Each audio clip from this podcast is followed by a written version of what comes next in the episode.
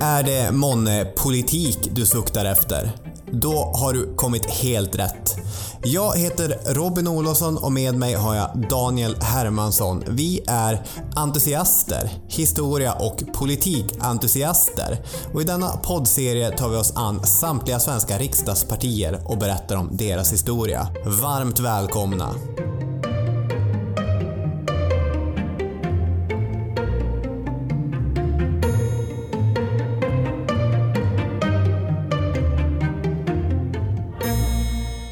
Olofsson är här. Hej! Daniel Hermansson är här. Hej! Vi är gymnasielärare och historiepoddare som vanligtvis gör historiepodden här på Radio Play. Precis. Och partiernas historia är en specialsatsning inför valet 2018 då vi i några korta avsnitt, lite övergripande, går igenom våra riksdagspartiers historia. Just det, och vi har olika punkter för ordningens skull som vi följer på alla olika avsnitt och de lyder som följer partibildning, goda tider, dåliga tider Just det. och ibland är de där omkastade beroende på Vad vi känner för. ja, och hur, det faller sig. Och så har vi en intervjupunkt. Ja, Mattias Karlsson. är med idag. Jajamän, det är han. Ska vi dyka rakt in på Sverigedemokraterna och när och varför partiet bildades? Ja, då får vi ta och börja lite tidigare. 1979 så bildas eh, organisationen Bevara Sverige Svenskt. BSS är förkortningen för det. Eh, inspirerat från eh, det brittiska National Front som då har bildats 1976. Eh, och de i England alltså då, och de hade väldigt stora framgångar där då. Då tänkte man sig väl att här ska vi göra något liknande. Man producerar flygblad och klistermärken och eh, man förespråkar då ett stopp på invandring till Sverige och repatriering, åter, återvändning helt enkelt, av eh, invandrare. Och vi har ju läst en eh, himla massa olika grejer inför det här avsnittet. Men bland annat så har vi läst, apropå Mattias Karlsson, eh, hans text om eh, partiets historia, stolthet och lärdom. Och hans slutsats om BSS är då att det var en radikal invandringskritisk lobbyorganisation på nationalkonservativ grund med en otydlig gränsdragning mot rasism. Mm, precis. Eh, han drar upp lite argument där som vad som pekar för att BSS skulle vara rasistiska och vad som pekar mot att de skulle vara rasistiska. Det handlar ju ganska mycket om hur man väljer att definiera rasism också. Ja, och det är ju... Ja, det är ju... Ett helt kapitel. Ja. Eh, i BSS officiella program från 1983 så återfanns punkter som att endast etniskt besläktade människor från kulturellt närstående länder eh, ska principiellt kunna accepteras som invandrare i Sverige eller att adoptioner av utländska barn skulle förbjudas i lag.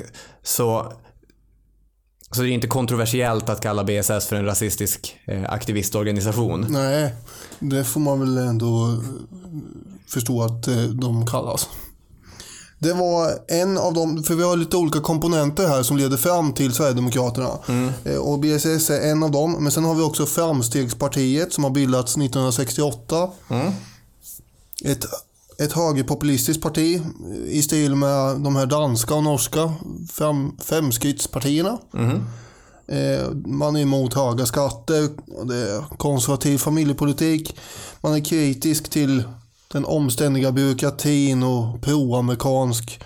Och sen blir då invandringsfrågan mer och mer central hela tiden. Och 1986 så går de här båda rörelserna samman.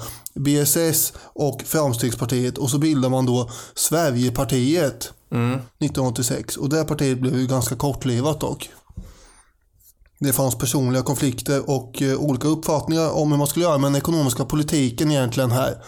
Eh, olika falanger som stred med varandra och de hade väldigt svårt att komma överens om, om frihandel var en bra grej eller inte. Och eh, om staten möjligen skulle begränsa import från utlandet och, och sådana saker. Och till slut så bara imploderade alltihop. Eh, och eh, det var väl någon gång 1987-88 som de upplöstes då, Sverigepartiet, och gick om intet. Så inför valet 1988 fanns ju inget nationalistiskt eller invandringskritiskt parti överhuvudtaget. Och det var väl den luckan man tänkte sig täppa till då eh, när man träffas i februari 1988. Eh, ett drygt 20-tal personer från de här olika rörelserna eh, som då tänker sig att man ska bilda ett nytt parti och resultatet blir då Sverigedemokraterna. Mm. Mellan 1988 och 1992, alltså de här första åren, har Sverigedemokraterna ganska, vad ska jag säga, lös eh, organisation och ett antal olika talespersoner. Bland annat hade man under en period eh, det miljöpartistiska systemet med två språkrör innan Anders Klarström väljs till partiets första partiledare. Anders Klarström i sin tur har ju bakgrund i det Nordiska rikspartiet, NRP. Ett jämförelsevis gammalt parti grundat i mitten av 1950-talet. Per Svensson, journalisten, redogör i sin bok Vasakärven och järnröret historikern Helene Lövs forskning om nazismen i Sverige från 20-talet till 1979. Det är hennes forskningsområde. Och där framkommer att NRP var ett eh, klassiskt Hitler-nostalgiskt parti som trots att det egentligen var mycket litet lyckades fortleva samt eh, klamra sig fast i mediernas uppmärksamhet genom att uppehålla sig kring, eh, kring traditionell nazirekvisita. Eh, uniformer och, och sådana grejer. Det fanns i tidningarna eh, i deras publikation, så här gör man en riktig Hitlerhälsning och så vidare. Helene Löv skriver Nordiska rikspartiet är den förmedlande länken mellan 30-talets nationalsocialister och nutidens rasideologiska aktivister. Och i det partiet fanns kopplingar till riktigt klassiska svenska eh, nazister. Till exempel var en av de mest framträdande figurerna Vera Oredsson som hade varit gift med eh, Sven-Olof Lindholm. Superklassisk svensk nazist. Ja, det är han ju. Nu, eh, Vera Oredsson var aldrig med i SD, men kopplingen är alltså att eh, den första partiledaren kommer från synnerligen brun bakgrund. Ja, eh, ja man blir lite förbluffad när man läser olika eh, material dock. Enligt uppgift i jag tror nu att det är i Stolthet och lärdom så ska Klarström ha varit på ett par, ett par tre olika möten som 17-åring och närvarat. Ja. Eh, och sen går det att använda. Jag vet inte vad som är sant här givetvis. Däremot fanns det ju vid det här bildandet, eh, vid det här mötet, eh, andra äldre personer med nazistisk bakgrund. Mm. Och en gammal SS-soldat till och med satt med där och någon av dem var sekreterare och, och lite sånt där. Så att det, det fanns ju människor med den här bruna bakgrunden med i, i, i det första skedet. Partiets främsta profilfråga är ju invandringsfrågan och det handlar om att massinvandring tillsammans med låg nativitet hotar befolkningssammansättningen i landet. Just det. Det här första valet gick däremot ingen vidare. 1118 röster gav inga kommunala mandat. Men det första partiprogrammet från 1989 har ändå satts för att vara något mer än bara en lobbyorganisation som BSS hade varit. Eh, man har åsikter på bredare nivå än bara invandringsfrågan men ändå liksom återkommer man i någon form av cirkel hela tiden nästan till eh, ganska ofta blir det så att det eh, går att återkoppla till invandringsfrågan. Mm. Inledningen till partiprogrammet låter så här. Det är Sverige som vi känner på gott och som vi känner stolthet och tacksamhet över är ett resultat av våra förfäders arbetsinsatser, av deras flit och resonliga samarbetsvilja och, naturlig, och naturligtvis de stora svenskar som trätt fram ur folkdjupet, genierna och snillena. Fast vi ska inte förhäva oss i nationell självtillräcklighet utan ständigt ha i minnet den stora tacksamhet vi står till vår omvärld varifrån vi fått många värdefulla lån och hämtat många ovärdeliga idéer och impulser. Naturligtvis har även Sverige tidigare Naturligtvis har även Sverige tidigt haft invandrare som tillfört vårt land yrkesskicklighet och duglighet och även stimulerat vår kultur. Vi har tagit emot främst skandinaver men även balter och andra nordeuropeer som snabbt har kunnat akklimatisera sig. Man ska dock komma ihåg att denna invandring varit begränsad, kostnadsfri och välmotiverad. Och sen pratar man vidare om det olösliga invandringsproblemet, ökad brottslighet och svenska nationens sönderfall. Och några av de saker som är lite uppseendeväckande då är ju dödsstraffet, att det ska återinföras. Mm. Sådana dramatiska inslag. Eh, och så. Och repatrieringen. Ja. i den här jubileumsskriften eh, Stolthet och lärdom som Mattias Karlsson då har skrivit så konstaterar han ändå att det är en, en viss bredd i det här programmet och eh, den radikalism eh, som finns i partiet på den här tiden, den eh, går att skylla på vissa individer och bristande organisation, säger han. Men den ideologiska grundtonen som slås fast, nu citerar jag, i det första programmet har fått stor betydelse för partiets senare utveckling. Programmet förenar demokrati, social ansvarstagande, konservatism och nationalism och lägger på så vis grunden för den socialkonservatism med nationalistisk grundsyn som idag utgör partiets ideologiska beteckning, menar han. Så man har inte kastat hela det här programmet, inte. Nej, så är det ju.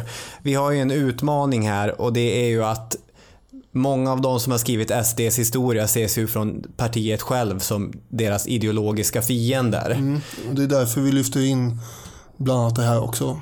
Eh, medan de eh, människor, jag har läst Per Svenssons bok som jag refererade till tidigare. Vi har bägge läst David Bas eh, bok. Det är Expressen-journalisten som avslöjade den, den så kallade järnrörsskandalen som vi kommer till Bevara Sverige svenskt heter den. Niklas Orenius har skrivit flera reportage om eh, Sverigedemokraternas historia.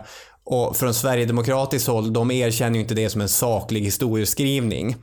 Medan liberala journalister inte erkänner Mattias Karlsson. Nej. Och jag vill inte skapa en så här falsk dikotomi att då ligger sanningen någonstans mitt emellan. Men allting man kan göra är ju redogöra för bägge sidorna. Ja, precis. Ja, mycket mer möjligheter har vi inte. Nej, det är ju Sverigedemokraterna själva vill ju ha ett projekt att det ska skrivas en Sverigedemokraternas vitbok. Att eh, akademiker ska sätta tänderna i deras historia för att komma fram till hur var det egentligen. Men det, det har varit svårt att värva akademiker till det projektet.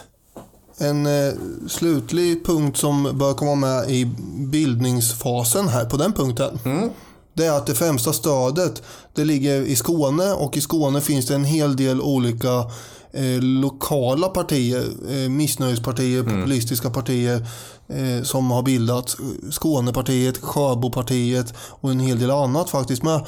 Eh, som delvis är konkurrenter till Sverigedemokraterna när de väl dyker upp. Men eh, de driver ju samma linje och det finns någon form av samsyn på invandringsfrågan här. Mm. Och eh, under 90-talet så kommer ju sen då många av de här lokala partierna helt enkelt att gå upp i SD. Ett poddtips från Podplay. I fallen jag aldrig glömmer djupdyker Hasse Aro i arbetet bakom några av Sveriges mest uppseendeväckande brottsutredningar. Går vi in med hemlig telefonavlyssning och, och då upplever vi att vi får en total förändring av hans beteende. Vad är det som händer nu? Vem är det som läcker? Och så säger han att jag är kriminell, jag har varit kriminell i hela mitt liv men att mörda ett barn, där går min gräns. Nya säsongen av Fallen jag aldrig glömmer på Podplay.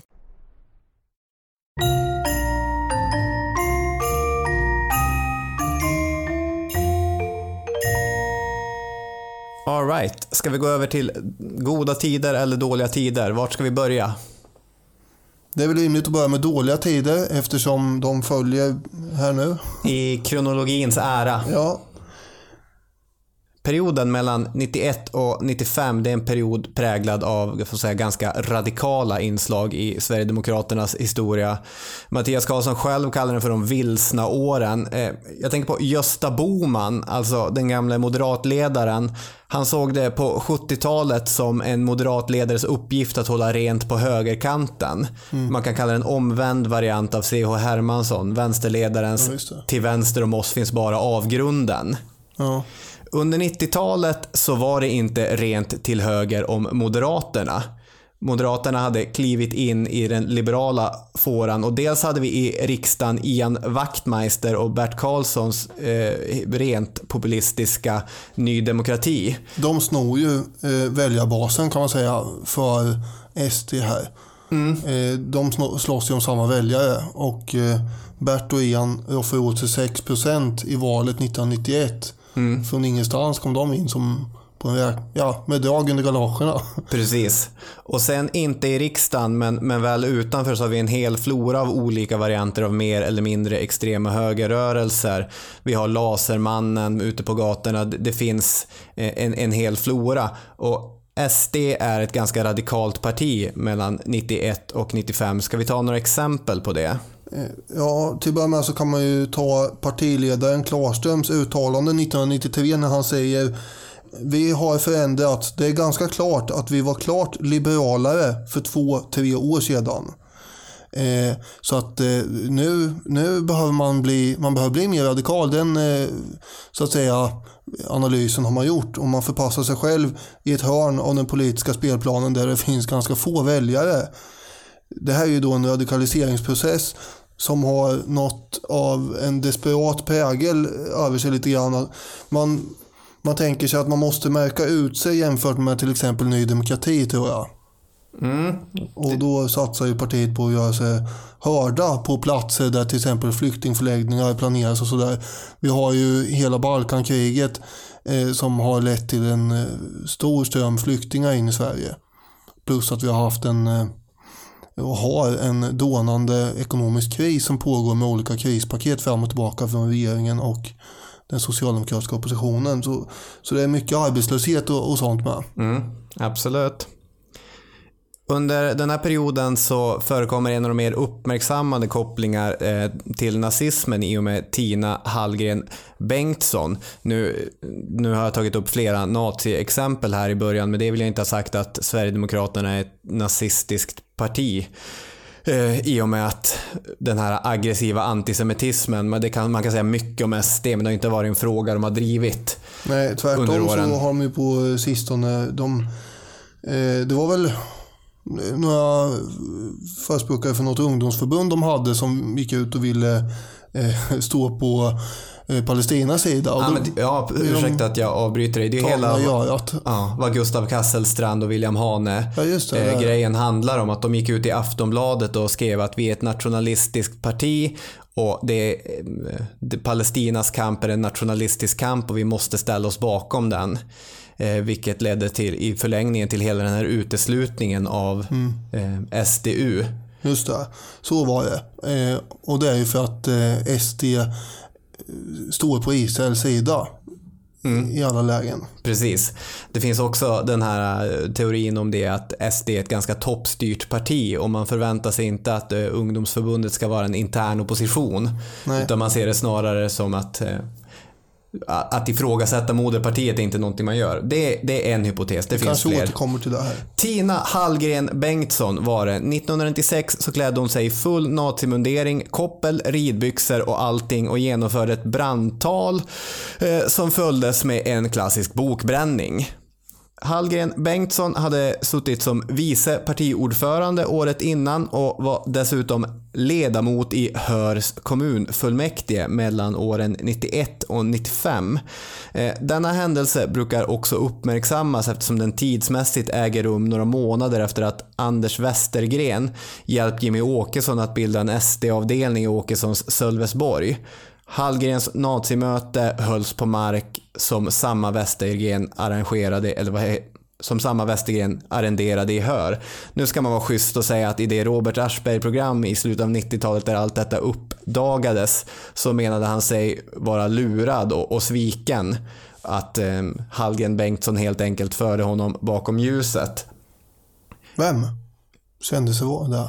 Anders Westergren mm. eh, kände sig sviken. Och enligt uppgift så hade eh, Hallgren då eh, redan tidigare hoppat av SD. Kan vi också säga. Men det är ju läge att lyfta fram de här eh, tendenserna som drar iväg åt det där hållet. Det har vi ju gjort i alla, ja inte alla, men i de flesta andra partier med. Så fort det dyker upp en nazist så pratar vi om det. Mm, precis. Så eh, det är ju klart vi gör nu med. Ja. Eh, gäller den de värsta perioderna under tidigt 90-tal så kan man förutom den ganska radikala ungdomsrörelsen och marscherna på Engelbrektsdagen under tidigt 90-tal där renodlade skinnskallar eh, deltog lyfta fram SDs första förslag till kulturpolitik. Det här är från ett utkast eh, i SD-Kuriren 93 Jag tar det från en Aftonbladet-artikel, ett Aftonbladet-reportage. Texten kritiserade citat amerikanska negergrupper slutcitat och pekade ut Claire Wikholm, Jonas Gardell, Kristina Lugn, Pappa Di, Alexander Bard och Dr. Alban som citat kultursabotörer. All popmusik avfärdades som primitiv, istället hyllades klassisk svensk högkultur som Esaias Tegnér, Wilhelm Petersson Berger och Erik Gustaf Geijer. Ja, de senare här är ju, det är ju bra kultur i och för sig. Ja, men det behöver inte konkurrera med popmusik. Nej, det behöver det ju inte. Man kan ha Public Enemy och Erik Gustaf Geijer. Under den här radikaliseringstiden så eh, ett av få sätt att nå ut överhuvudtaget med information var ju de här demonstrationerna. Och då var ju bland annat de här eh, så kallade Engelbrektsmarscherna som du pratade om. Det var ju ett sätt att synas mm. före någon hade hört talas om internet. Och eh, då var det ju bombarjackor och öl och stålhätteskor och det blev ju väldigt våldsamma sammandrabbningar mellan eh, de här eh, demonstranterna och eh, vänsterextremister och sådär. Och enligt SD själva så var eh, vissa demonstrationer så fullproppade med folk att eh, Eh, jag menar, det var fler folk i tågen än vad som var medlemmar. Och det låter troligt eftersom de inte var så många medlemmar. Så där, men man ville framstå som att man hade väldigt många människor med och därför man släppte in alla möjliga som gick runt där. Och så blev det stök och bråk och eh, eh folk betedde sig inte eh, som man borde göra när man går i ett demonstrationståg utan de var ju fulla och dana och slogs och hade sig. Och det här gav media uppmärksamhet. Mm. Eh, kanske inte på det sättet man hade hoppats dock, eventuellt. Mm. Det är frågan om all uppmärksamhet är bra uppmärksamhet eller inte. Mm. Men man skrev också eh, ganska mycket fränare formuleringar i partiprogrammet och andra texter. Man blev radikalare eh, nästan för varenda minut känns det som. Och eh, allt fokus lades då på invandring och hur man skulle få folk att återvandra.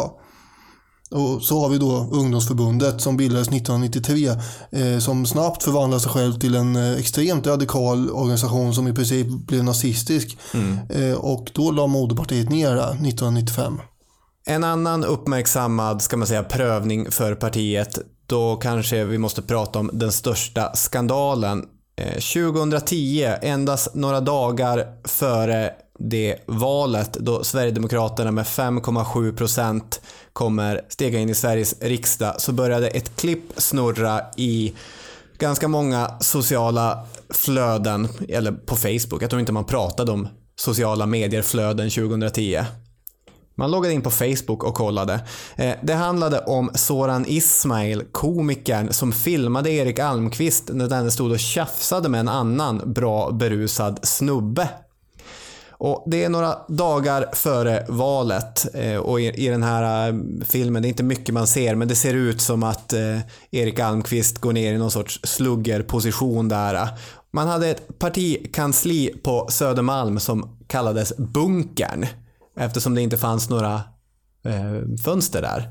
Ja, Man, ja, det här kommer jag återkomma till med. Ja, precis. Bunkern är ganska, har en speciell roll i Sverigedemokraternas historia. I den bunkern så klipper partiet ihop material från en film som Kent Ekeroth, som också har varit med på kvällen, har filmat från sin mobil. Och det här svaret publiceras tillsammans med en intervju med den dåvarande pressekreteraren Erik Almqvist där han säger att ja, nu har ni sett hur det egentligen gick till. Eh, varför kommer du med de här falska anklagelserna till mig, Soran? Mot mig, Soran. Och man skickar ut ett pressutskick där det står i syfte att smutskassa SD inför kommande valet har den uttalat SD-fientlige komikern Soran Ismail lagt upp ett kort videoklipp på internet som visar Sverigedemokraten Erik Almqvist i ett offentligt gräl.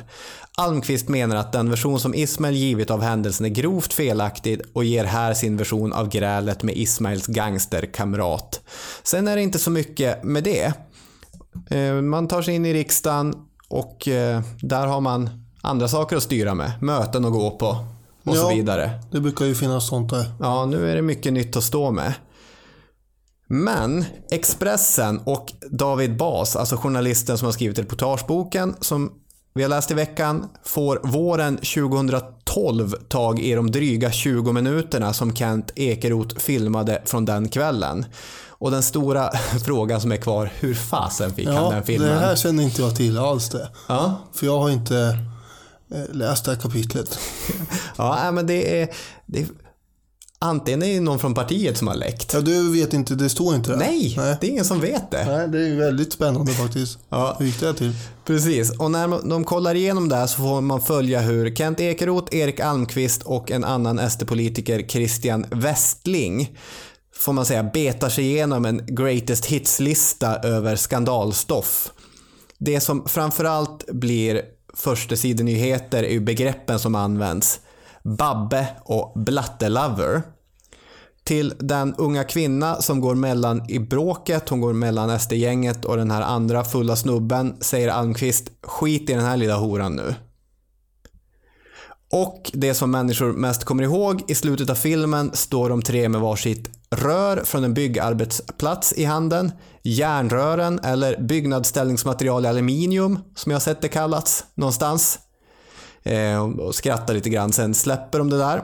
En sak som också händer på filmen som inte så många kommer ihåg är att när polisen kommer dit och hämtar snubben de tjafsat med så återvänder gänget och berättar för polisen att den här mannen har hotat dem och ni, ni måste hålla kvar honom. Sen får man på filmen se när de promenerar därifrån eh, skrattande och kacklande och Christian Westling eh, fäller kommentaren “Det är så underbart det här”. Almqvist hade under åren som gått blivit partiets ekonomisk-politiske talesman, alltså finansministerkandidat om man ska hårdra det. Och Kent Ekeroth ansvarade för kriminalpolitiken, han var justitieministerkandidat. Det är högdjur inom partiet som dyker upp här.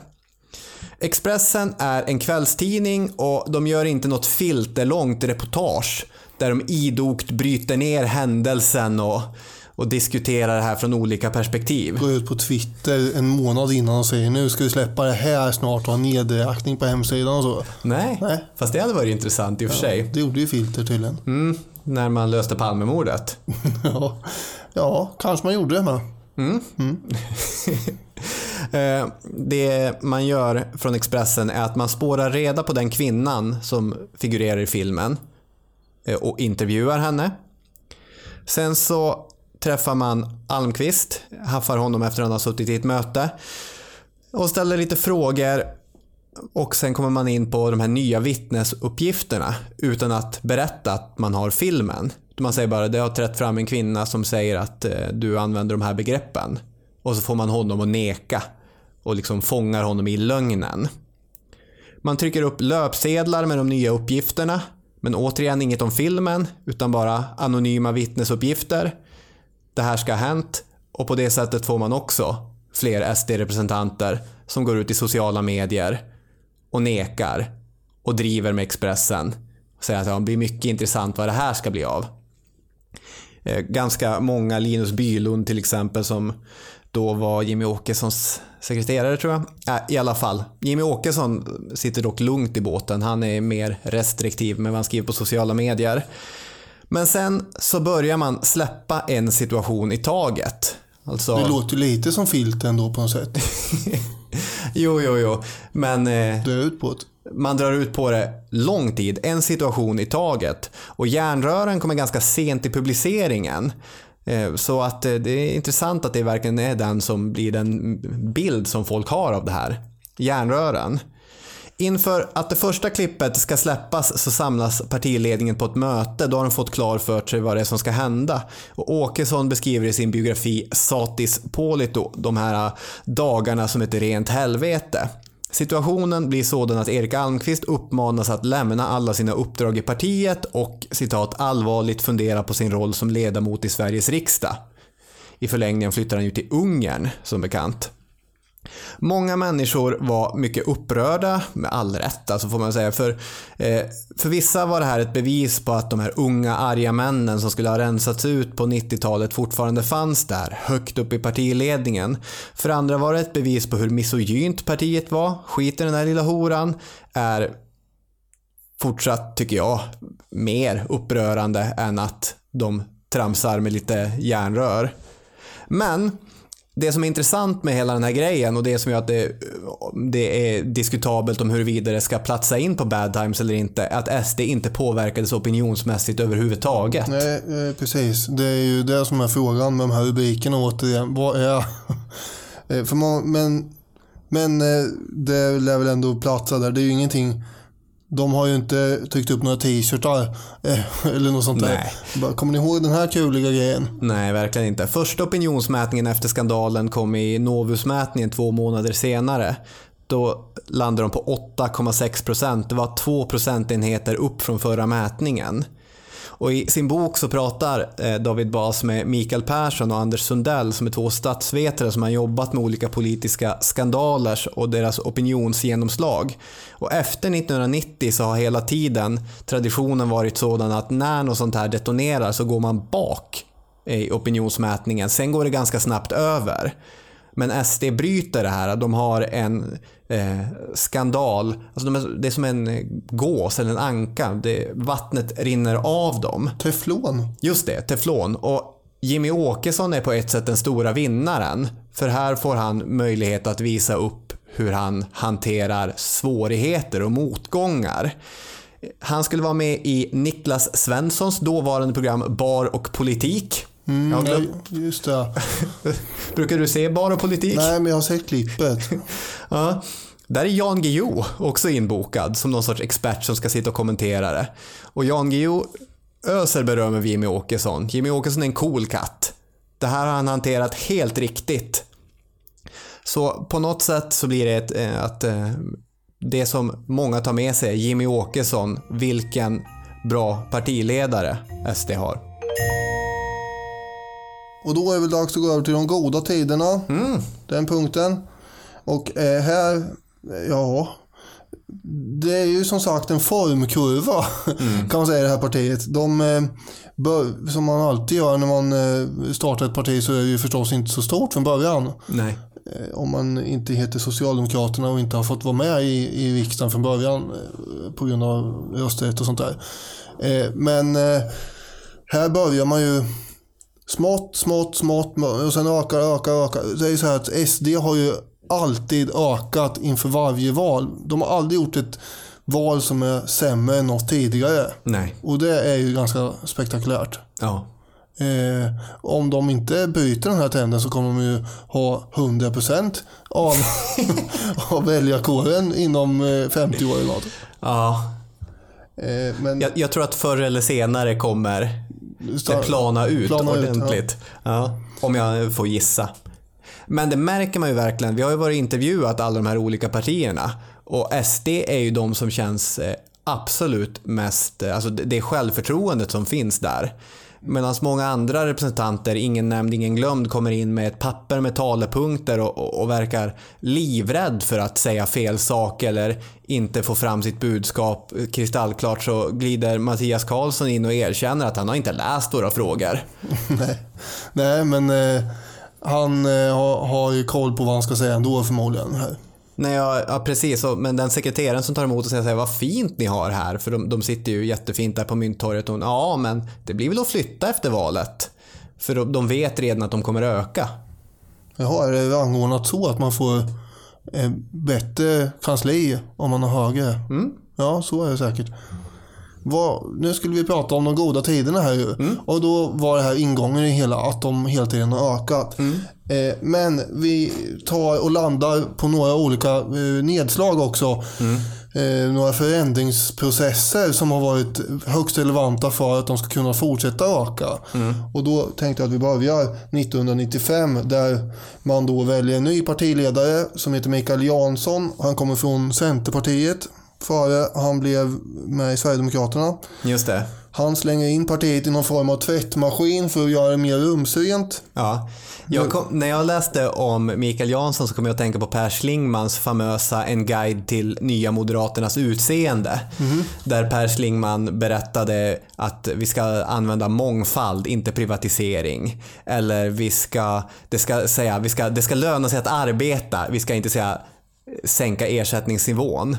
Och då skrev ju Schlingman också det här om att eh, Personlig kommunikation handlar om att vinna förtroendet hos väljaren. Väljaren ska känna tillhörighet och välkomnande från företrädaren. Därför bör kläderna vara vardagliga. Vi lämnar slips och pärlhalsband hemma. Dräkt och kostym skapar också distans. Lite nya klädregler för nya Moderaterna. Och det kommer nya klädregler med Mikael Jansson också. Ja, eh, närmare bestämt uniformsförbud. Yes. Och med uniform så kanske man ska eh, läsa in då att det är bombarjackor, stålhätteskor och, och sånt där. Mm. Eh, även medhavd alkohol ska man Ja. inte behöva gå runt med på ett demonstrationståg. Han säger någonstans att eh, Personer med så svag övertygelse att de måste klä ut sig på ett sådant sätt att det drar ett löjets skimmer och skam över Sverigedemokraterna ombeds stanna hemma eller fatta allvaret och klä sig som vanligt folk. Man ville få bort det här eh, fylleriet och eh, slagsmåleriet och eh, de värsta avarterna. Och Jansson har också sagt själv att det räckte att gå runt med banderoller där det stod demokrati eller mötesfrihet på för att de här skulle avlägsna sig. Då vill de inte vara med längre. Det här, det här var ju inte så kul. Nej, och som en följd av det här så sker en av partiets olika brytningar, Hembygdspartiet, skapas där några av de mer radikala företrädarna eh, finner sitt hem. Samma sak kommer att ske 2001 när Nationaldemokraterna skapades, eller i år när Gustav Kasselstrand, för detta ledare för Uteslutna ungdomsförbundet, skapade sitt Alternativ för Sverige. Just det. Det är ett parti som avknoppar sig åt höger. Det är hur som helst en viktig förändringsfas det här som hände 95. Eh, sen eh, är det fortsatt ganska traditionalistiskt. Det händer inte superduper mycket eh, på några år. Men sen kommer då nästa förändringsfas i början på 2000-talet. Och det är ju när de här, de fyras gäng som de kallas, eh, eller Skåneligan som man kan kalla dem, förutom Karlsson då som är från Växjö väl. Och det är Björn Söder, Jimmie Åkesson och eh, Richard Jomshof och Mattias Karlsson som är de fyras gäng. Just det, de träffas i Lund där samtliga pluggar. Mattias Karlsson pluggar historia och statsvetenskap. Björn Söder läser till civilingenjör. Jomshof, som är byåldersmannen, några år äldre än de andra, är gymnasielärare och musiker i syntgänget Elegant Machinery. Jomshof har ju fort satt riksdagens mest syntiga lugg. Som ett rakblad. Ja, det har han inte tänkt släppa. Nej, det tror jag inte. Eh, de får ju mer och mer inflytande här i början på 00-talet. Och eh, lyckas till slut manövrera ut den mycket förbluffade Mikael Jansson. Så att Åkesson står som partiledare 2005. De här, de fyras gäng vill ju då förnya partiet och skapa en slags mjukare framtoning. Och ett led i det här projektet är att byta ut loggan som bestod av en fackla mot eh, den mer Eh, mysiga blåsippan. Eh, och under den här processen så är det då eh, en del tröttnar och bildar Nationaldemokraterna istället då. Ja, 2005 har ju Jansson suttit som ledare i tio år och många tycker att det var dags att man hördes och syntes mer. Uppfattningen är att Jansson och hans krets har varit för tystlåtna och de har dessutom börjat släppa garden lite grann mot diverse radikala element. Och eh, Jansson och hans krets kallades ju för Bunkerfalangen eftersom partikansliet som du sa innan låg i ett gammalt parkeringsgarage med eh, betongfasad. Och fönstren hade ju svetsats igen och allting. Och in, tydligen också så hade ju då enligt en uppgift i den här boken eh, av Bas, Björn Söder tagit hit sin flickvän en gång. Och fick en eh, väldig utskällning och banner för det. För hon hade ju inte fått någon ögonbindel på sig innan. Eh, och eh, jag, jag vet inte, de har ju varit utsatta för ganska mycket våld eh, emellanåt. Så att, eh, det är väl sådana försiktighetsåtgärder kanske. Men det här låter ju lite lätt paranoid. Om man är ett par, parti också som vill eh, eh, synas så rimmar det här lite illa. Och det var ju en del som hade noterat det och vill ha en ändring. Kritiken mot Jansson framkom i SD-Kuriren 2004 där 18 medlemmar stod bakom en artikel med innebörden “Hög tid för partiledarbyte”. Och då skriver de så här. Mikael Janssons ledarskap de senaste åren kan i bästa fall beskrivas som svagt och inåtvänt. Han har uppvisat stora brister i viljan att profilera sig själv och vi upplever att han ofta har fokus på sådana detaljer som inte har någon egentlig betydelse för partiets utveckling i stort. Och grejen var också att partiet var ju djupt nere i frysboxen när det gällde medierna. Man hade ju en, en debatt eh, som gick ut på om man skulle ha en debatt. det var debatt om debatten. De andra partierna liksom debatterar med varandra om ska man ta en debatt med de här. Mm. Eh, riktig kvasi-historia egentligen. Ja. Men eh, nu får man då fram en ny partiledare från Sverigedemokraterna. Valberedningen eh, slänger fram Jimmy Åkesson som är en 25 år ung och rapp kille med god argumentationsförmåga, erfarenhet från kommunarbete i Sölvesborg och dessutom har han brett stöd i partiets södra delar. Just det. Det är en intressant grej i Bas historieskrivning. Han menar ju att den här Skånefalangen, de fyras gäng och allt vad de nu kallas, att det finns en sån verkligen kontinuerlig maktkamp i partiet mellan det gänget knutet till Åkesson och södra Sverige och bunkerfalangen knuten till Mellansverige. Det gjorde det nog också. Ja. Men eh, när det maktskiftet väl är över så börjar ju den seriösa resan mot riksdagen och därför får man väl skriva in det här under goda tider att man fick fram eh, Åkesson då för partiets del. Ja, verkligen. Per Svensson skriver det ganska elegant. Berättelsen om hur några beslutsamma Lundastudenter förvandlade ett splittrat och solkigt marginalparti till en välsmord politisk framgångsmaskin är den sverigedemokratiska motsvarigheten till sagan om svärdet i stenen. Den som ska föra partiet in i riksdagen och rädda landet ur dess nöd visar sig vara en renhjärtad gosse från Sölvesborg. Kring honom flockas en krets av bålda riddare och i Lund bygger de sitt Camelot. Ja, ja, det är väldigt... Det är målande. Ja, jag tycker det.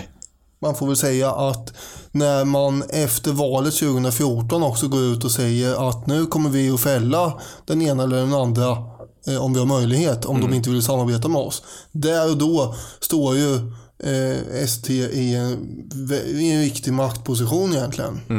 De kan ju tvinga fram det hela till nyval. Nu gick det inte så, men de är inte ett marginalparti längre i det Nej, verkligen inte. läget. Alltså i Åkessons första val 2006 får partiet 2,9% av rösterna. Redan 2002 hade man ju knäckt 1% spärren vilket betyder att man får valsedlar upptryckta och distribuerade. Får man 2,5% är man berättigad till partistöd. Vilket är väldigt avgörande eftersom ekonomi är jättesvårt för små partier. 2010 hamnar man in 5,7, 2014 är man uppe i 12,9% och opinionsundersökningarna det senaste året har placerat SD med ett snitt någon procent över eller under 20%. Det är en politisk resa som få andra partier i Sveriges historia har gjort. Eh, och så, sen kan man fundera om huruvida de i längden är nöjda med det eller inte. Men en sak som jag tycker är intressant är också hur Sverigedemokraterna har eh, påverkat den politiska diskussionen i Sverige också.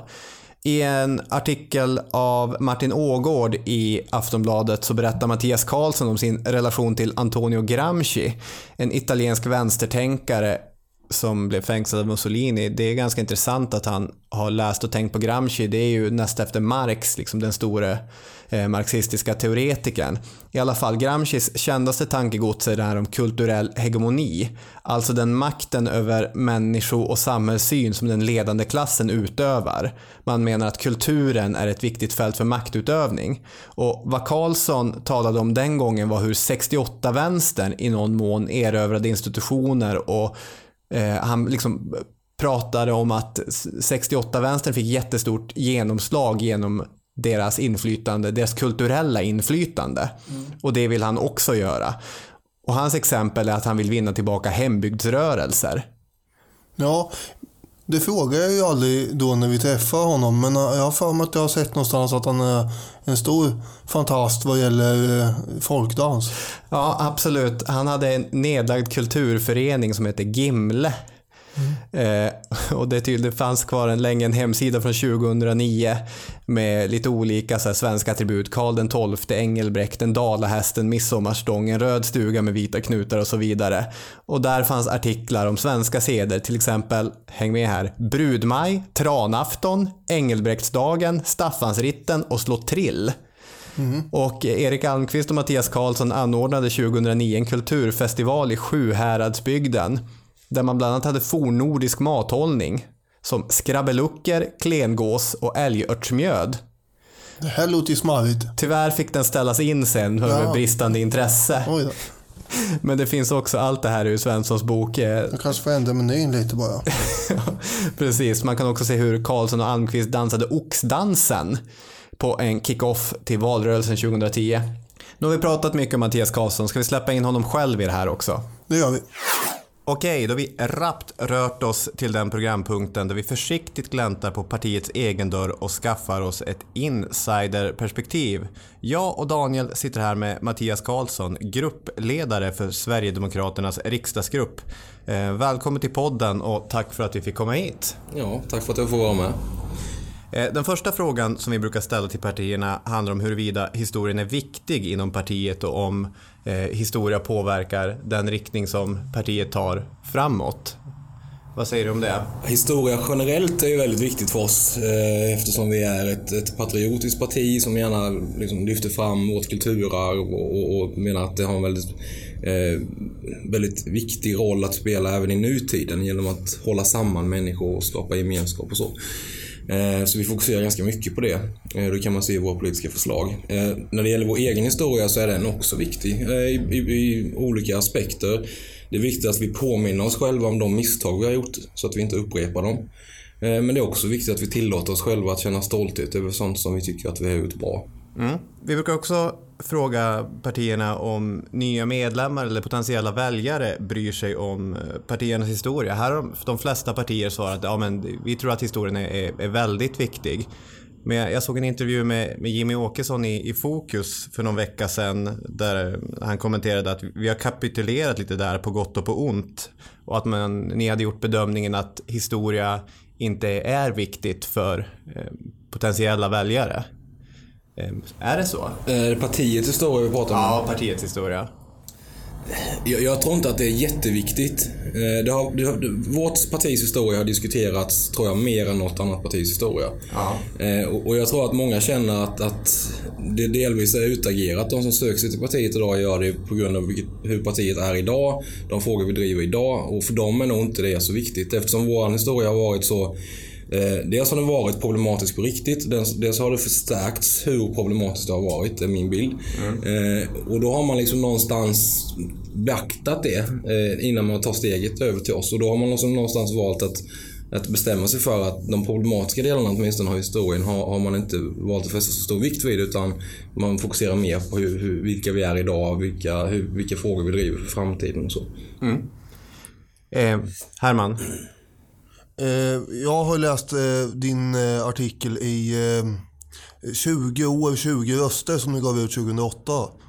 Och eh, då säger du att eh, eh, allt var inte sämre förr utan eh, den här grejen man brukar säga, det var eh, bättre förr. Eh, ungefär så uttrycker du det. Och då eh, tänkte jag eftersom eh, det här är en podd om eh, historia, eh, vad var det som var bättre förr enligt er och dig? Säger inte jag raka motsatsen? Nej, eh, Allt var sämre förr. Jag har med mig boken, vi kan kolla. Ja, men men det- jag jag har det för mig att... eh, Nu ska vi kolla. Det är i alla fall så jag tycker. Att allt var sämre förr? Ja. Oj, jaha. Nej, jag, jag, säger- det, jag tror det jag säger att när det gäller landet så var det mesta bättre förr. När det gäller partiet så var eh, det mesta sämre förr. Nu var det ju 2008 så... Ja, eh, vänta här nu. Nu har jag inte strukit under här. Eh, men eh, vänta, bättre... För...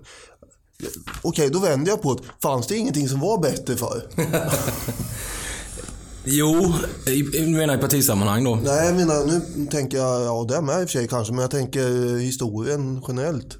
Jo, alltså, jag, jag hävdar, jag vidhåller ju då tills, tills motsatsen är bevisad att, att det jag säger är att det, det mesta var, i samhället var bättre förr. Ja. Eh, och eh, det mesta i partiet var sämre förr. Eh, så jag tycker det finns jättemånga saker som, som var bättre förr i samhället. En sån sak är gemenskap och trygghet till exempel. Eh, eh, tyck- tror jag var starkare tidigare i vår historia än vad den är idag i det moderna samhället. Eh, och när det gäller partiet så om man ska vända på det då och säga någonting som var som kanske ändå var bättre förr så var det väl, jag kände att kanske idealismen var ännu starkare i partiet när vi var väldigt små. Och det var ju nödvändigt, vi var så få som jobbade och det var så extrema villkor med mycket hot och våld och sådana saker. Som, så att det var ju verkligen de allra mest övertygade som... Och det fanns inga pengar inblandade, ingen fick lön. Vilket också liksom motverkar avundsjuka och andra saker och befrämjar någon slags eh, gemenskapskänsla tror jag. Ja, men eh, då fanns det ju sånt som var bättre förut. Ja, det var lite kategoriskt i bägge avseenden. Eh, Men, generellt.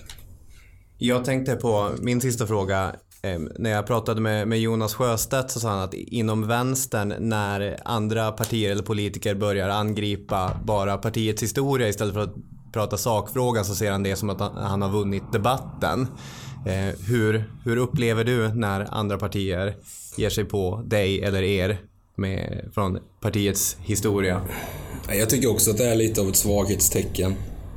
Och jag tror inte att den som gör det vinner så mycket på det. Det är en sak om vi faktiskt har en diskussion och det bör man ha med jämna mellanrum där man diskuterar partiernas historia eh, med varandra. Men om man i en sakpolitisk debatt om, vad vet jag, sjukförsäkringssystemet eller eh, lag och ordningsfrågor eller någonting börjar eh, prata partihistoria och använda det som ett slagträ så tror jag inte att det imponerar på väljarna. De sitter ju och lyssnar på det här för att de vill veta vad partierna tycker i just de här frågorna.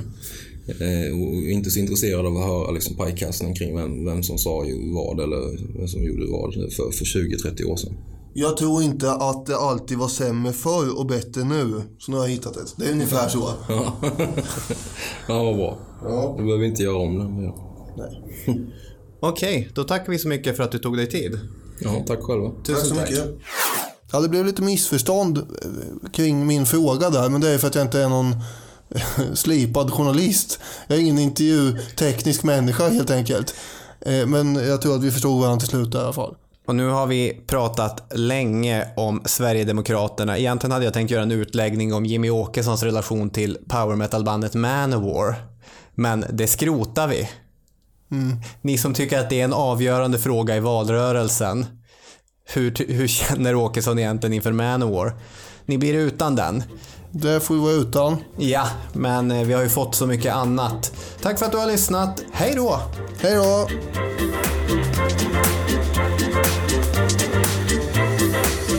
Du har lyssnat på Partiernas historia om Sverigedemokraterna med Robin Olofsson och Daniel Hermansson. Producent Jennifer de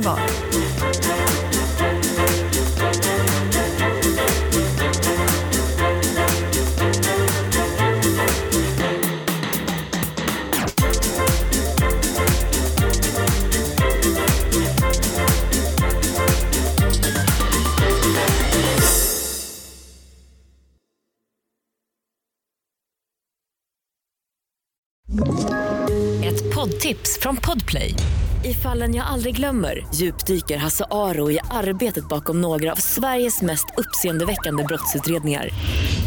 Går vi in med hemlig telefonavlyssning och, och då upplever vi att vi får en total förändring av hans beteende. Vad är det som händer nu? Vem är det som läcker? Och så säger han att jag är kriminell, jag har varit kriminell i hela mitt liv men att mörda ett barn, där går min gräns. Nya säsongen av Fallen jag aldrig glömmer på Podplay.